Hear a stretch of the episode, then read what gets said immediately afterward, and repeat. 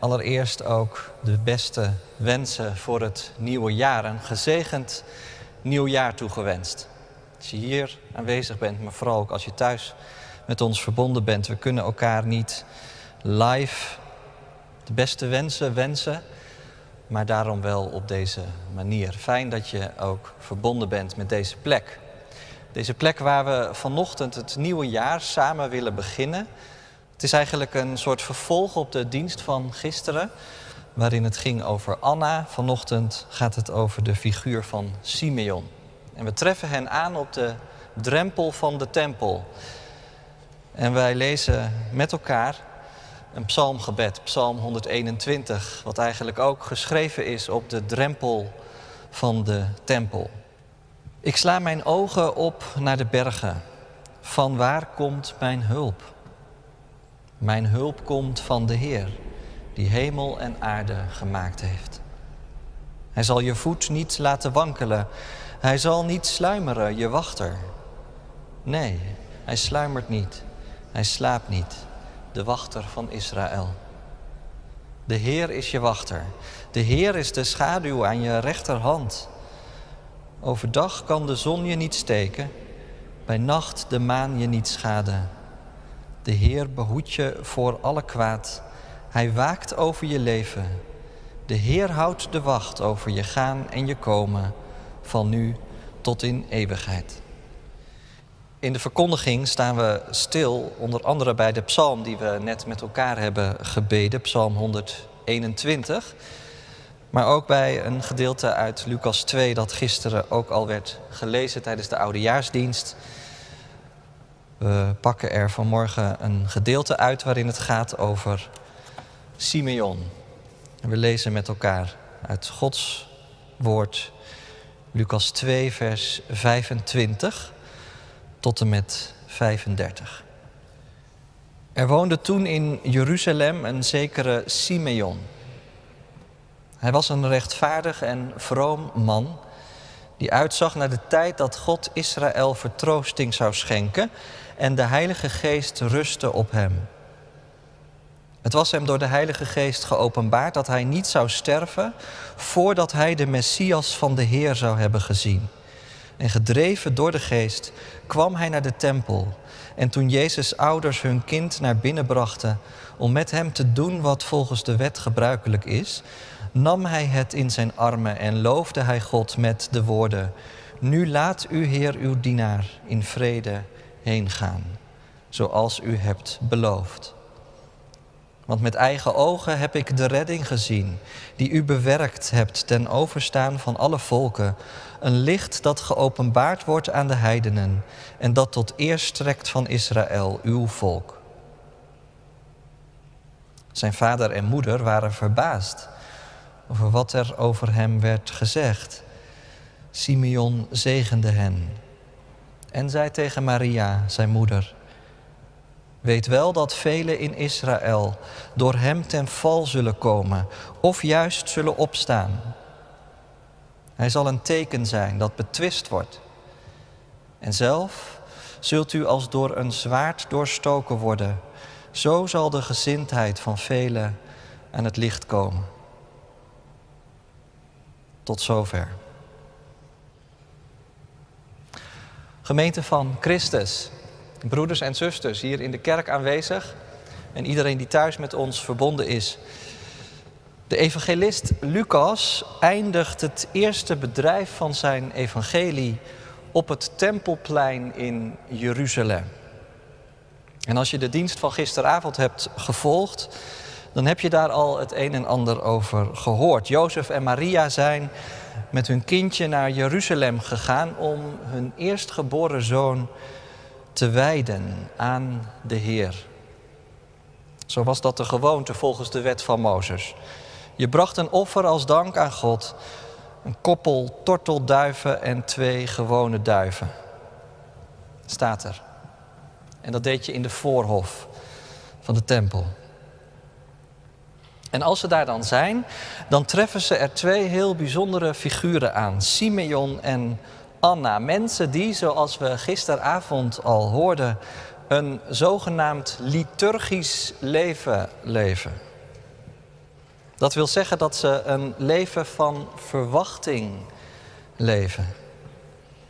En dat ze die verwachting vormgeven door in de buurt van de tempel te zijn, in de buurt van Gods huis, om te bidden en te vasten, om de zegen te ontvangen en om liederen te horen. En heel bijzonder, dan wordt die verwachting ineens vervuld. Op het moment dat Simeon en Anna het kind van Jozef en Maria zien. Dan gaat er een schok van blijdschap door hen heen. Ze nemen het kind in hun armen dat is een scène die in de kunst prachtig is verbeeld, bijvoorbeeld door Rembrandt. En de blijdschap straalt eraf. Een geloofservaring van je welste. En tegelijkertijd ook een drempelmoment, want er gaat iets aan vooraf en er komt iets na. Het is ook echt een drempel in het evangelie van Lucas wat je hier leest. We gaan de komende weken met elkaar verder lezen in het Evangelie van Lucas. We zijn er al in begonnen, rondom kerst. Maar, maar hier sluit Lucas het eerste stukje af. De geboorte van de Messias. En dat eindigt dan in de tempel. En dan gaat het de wereld in.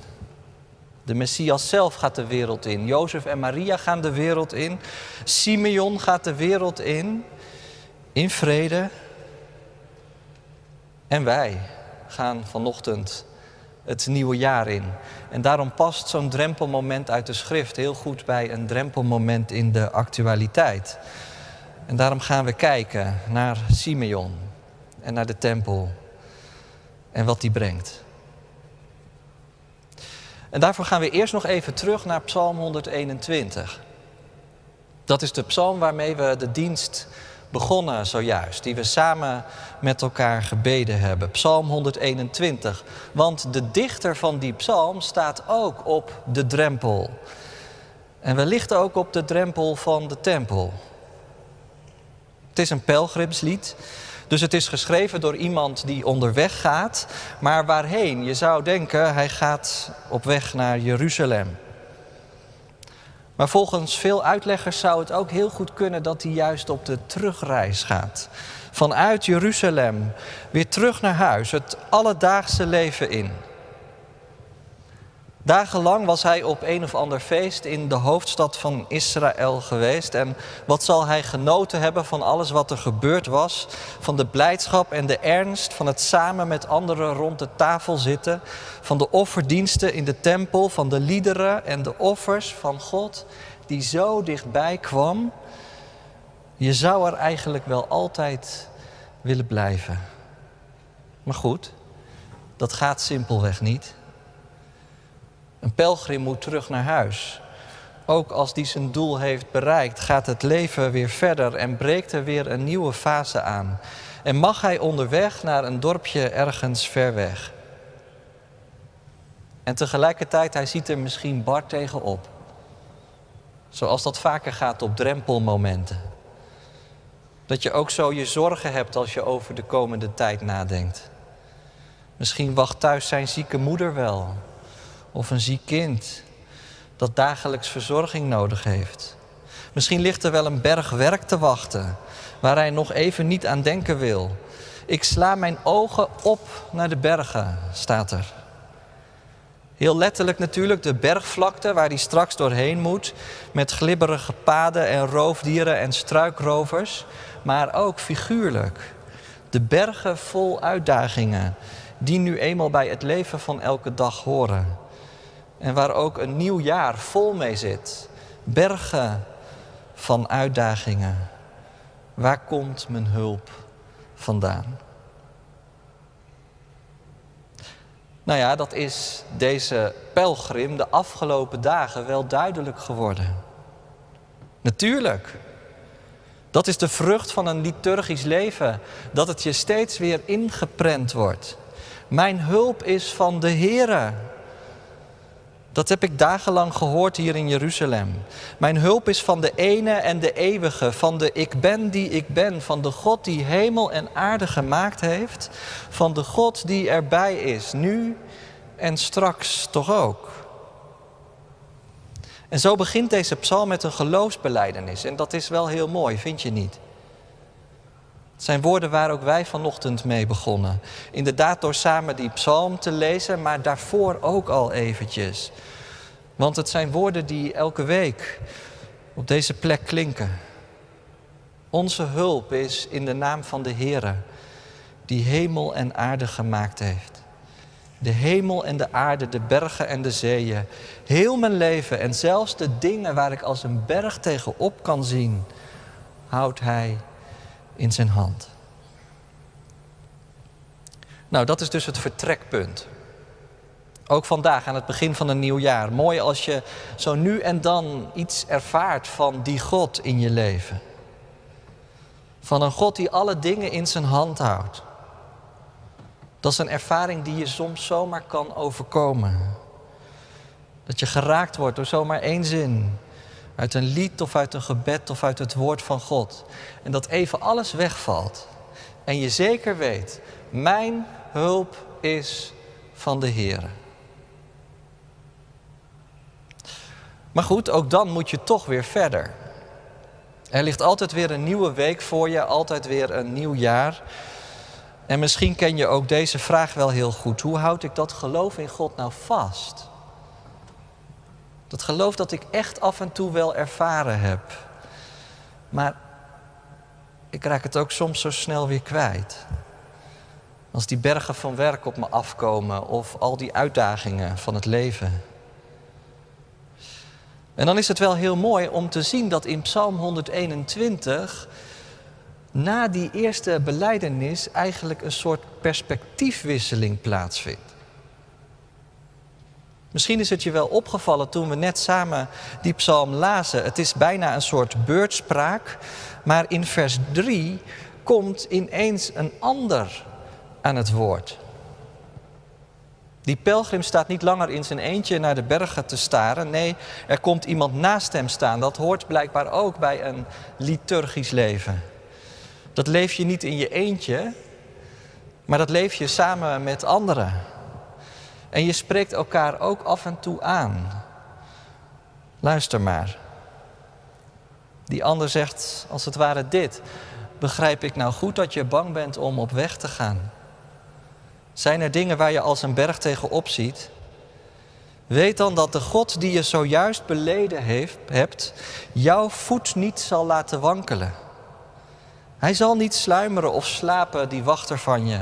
Nee, hij sluimert niet en hij slaapt niet.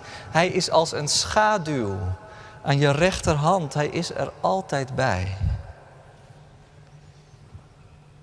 Tot zes keer toe wordt in deze psalm het woordje bewaren gebruikt. Zo zorgt God voor je, door je te bewaren. In het Hebreeuws klinkt datzelfde woord in de zegen. De Heere zegene je en Hij behoede, Hij bewaren je.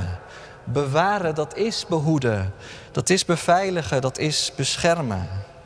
En zo zijn die woorden die die een tegen de ander uitspreekt in Psalm 121 eigenlijk een zegen. Er wordt een zegen uitgesproken in Psalm 121. Geen toverformule of zo, alsof het gevaar helemaal weg is. Dat zou naïef zijn. Maar het zijn woorden die duidelijk willen maken dat er altijd iemand bij is. Dat er een God is die met je optrekt. Een God wiens naam Heer is, de ik ben die ik ben. En zo'n zegen mag je elkaar blijkbaar meegeven. Dat lijkt me een mooie tweede stap op een dag als vandaag. Dat je zelf beleidt van wie je hulp is. Maar dat je elkaar ook het allerbeste toespreekt en toewenst. En dat je elkaar zegent met deze woorden. Mogen de Heer je bewaren in het jaar dat voor je ligt, wat er ook gebeurt. Nou, zo'n zegen geven aan een ander brengt ons dan in Lucas 2. Want als we even inzoomen op wat daar precies gebeurt op de drempel van de tempel, dan zien we Simeon inderdaad een zegen geven aan Jozef en Maria. Het staat er letterlijk in vers 34 en Simeon zegende hen. Die zegen volgt op een lofzang. Waarin Simeon prachtige dingen heeft gezegd over het kindje dat hij in zijn armen heeft genomen. Een heel gewone baby op het eerste gezicht, maar de geest van God heeft zijn ogen geopend voor wie dit kind ten diepste is. De geest die in dat liturgische leven helemaal meedoet. En die je hart zo nu en dan warm maakt voor wat je ziet en hoort. Aan Simeon was een geschenk beloofd en daar had hij op gehoopt en daar had hij naar uitgekeken. En dat geschenk is nu werkelijkheid geworden in dit kind. Met eigen ogen zie ik de redding die God heeft bewerkt en overstaan van alle volken. Een licht zo groot, zo schoon. Nou, ik denk dat het voor Jozef en Maria in ieder geval een bevestiging moet zijn geweest van alles wat door God al aan hen was verteld. Dat gebeurt er dus ook als je elkaar zegent. Eerst was er die engel geweest in Nazareth, toen die herders in Bethlehem en nou deze twee profeten in de tempel. Maar, heel opvallend, het blijft niet bij deze woorden. En bij deze lofprijzing. En bij deze zegen. Want direct erachteraan volgen dan nog andere woorden die speciaal voor Maria zijn gericht. En dan lijkt de toon wat te veranderen en dan wordt het ernstig. En misschien ook wel gewoon heel realistisch. Weet wel, Maria, dat velen in dit land door dit kind ten val zullen komen. Of juist zullen opstaan. Dat dit kind een teken zal zijn dat betwist wordt. En zelf zul je als door een zwaard doorstoken worden.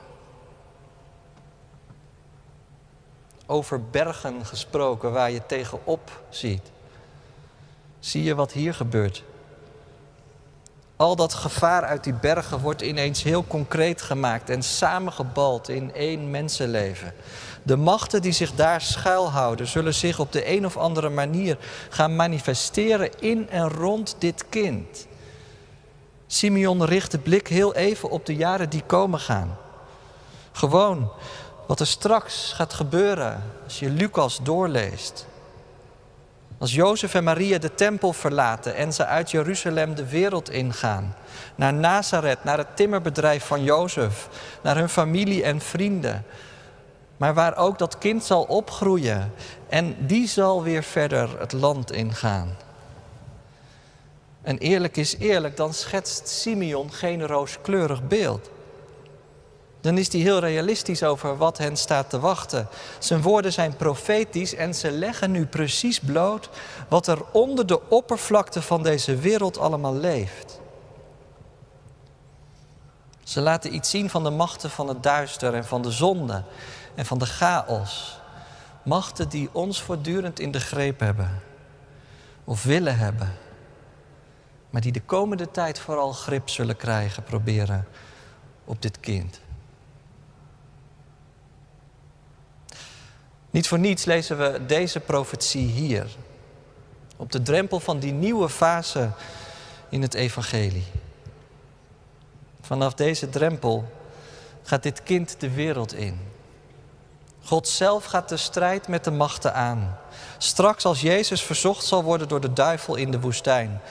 En nog later, steeds opnieuw, tot aan de dag dat aan zijn leven een einde lijkt te komen op Golgotha en de machten van deze wereld hem definitief aan de kant schuiven. En zegt Simeon dan tegen Maria: Je zult er zelf ook aan lijden. Aan het lijden van jouw kind. Maar door dat lijden heen wordt er tegelijkertijd een nieuwe werkelijkheid geboren. Een nieuwe werkelijkheid die je zult zien in sommige mensen om je heen. Want zo zal de gezindheid van velen aan het licht komen. Eigenlijk staat er dit. In en rondom dit kind. Dat gepresenteerd wordt in de voorhof. Vallen de beslissingen. Dit is de hoofdpersoon van het hele evangelie. Dit is waar een liturgisch leven je oog op wil richten. Dit is het kind dat Immanuel wordt genoemd. God met ons. Weet je wel, die God uit Psalm 121 die erbij is, die met je meegaat, die je bewaart. Nou, dat gebeurt hier. Dichterbij kan God niet komen dat hij mens wordt. En zo zie je in het evangelie van Lucas eigenlijk langzaam maar zeker de contouren ontstaan van een geloofsgemeenschap rondom dit kind. Dat begint hier, bij Simeon en Anna en bij Jozef en Maria. En dat gaat dan steeds verder. En Lucas zal dat in het boek Handelingen nog veel verder uitwerken. En uiteindelijk zie je die geloofsgemeenschap tot op de dag van vandaag om je heen. Mensen die op de drempel van de tempel in dit kind God hebben herkend. En die zeggen, daar mag het voor mij beginnen. Bij Hem. En zo gaan ook wij vanochtend een nieuw jaar in. En beginnen we dat jaar op de drempel van Gods huis. Waar we de zegen van God meekrijgen en waar we elkaar ook een zegen kunnen meegeven. En waar ons oog gericht wordt op het kind dat verlost en bevrijdt. En ik hoop dat je daar genoeg aan hebt voor 2022. Kijk, we weten natuurlijk allemaal dat we geen enkel idee hebben wat zo'n nieuw jaar gaat brengen. Meer nog dan vorig jaar voel je dat er een soort onzekerheid in de lucht hangt als het gaat om de toekomst. Hoe zal het allemaal gaan met corona en met het klimaat en met de wereld en met ons land? En noem het hele rijtje maar op. En in je persoonlijk leven zijn er misschien wel allerlei dingen waar je nu als een berg tegenop ziet. Maar één ding weten we wel dat we ook dit jaar een liturgisch leven mogen leven. Dat we ook dit jaar onder de zegen van God mogen vertrekken. Achter Christus aan, die ons de weg is voorgegaan. Ons lijden werd zijn lijden. En zijn lijden werd ons heil. Lof zij u Christus, tot in eeuwigheid. Amen.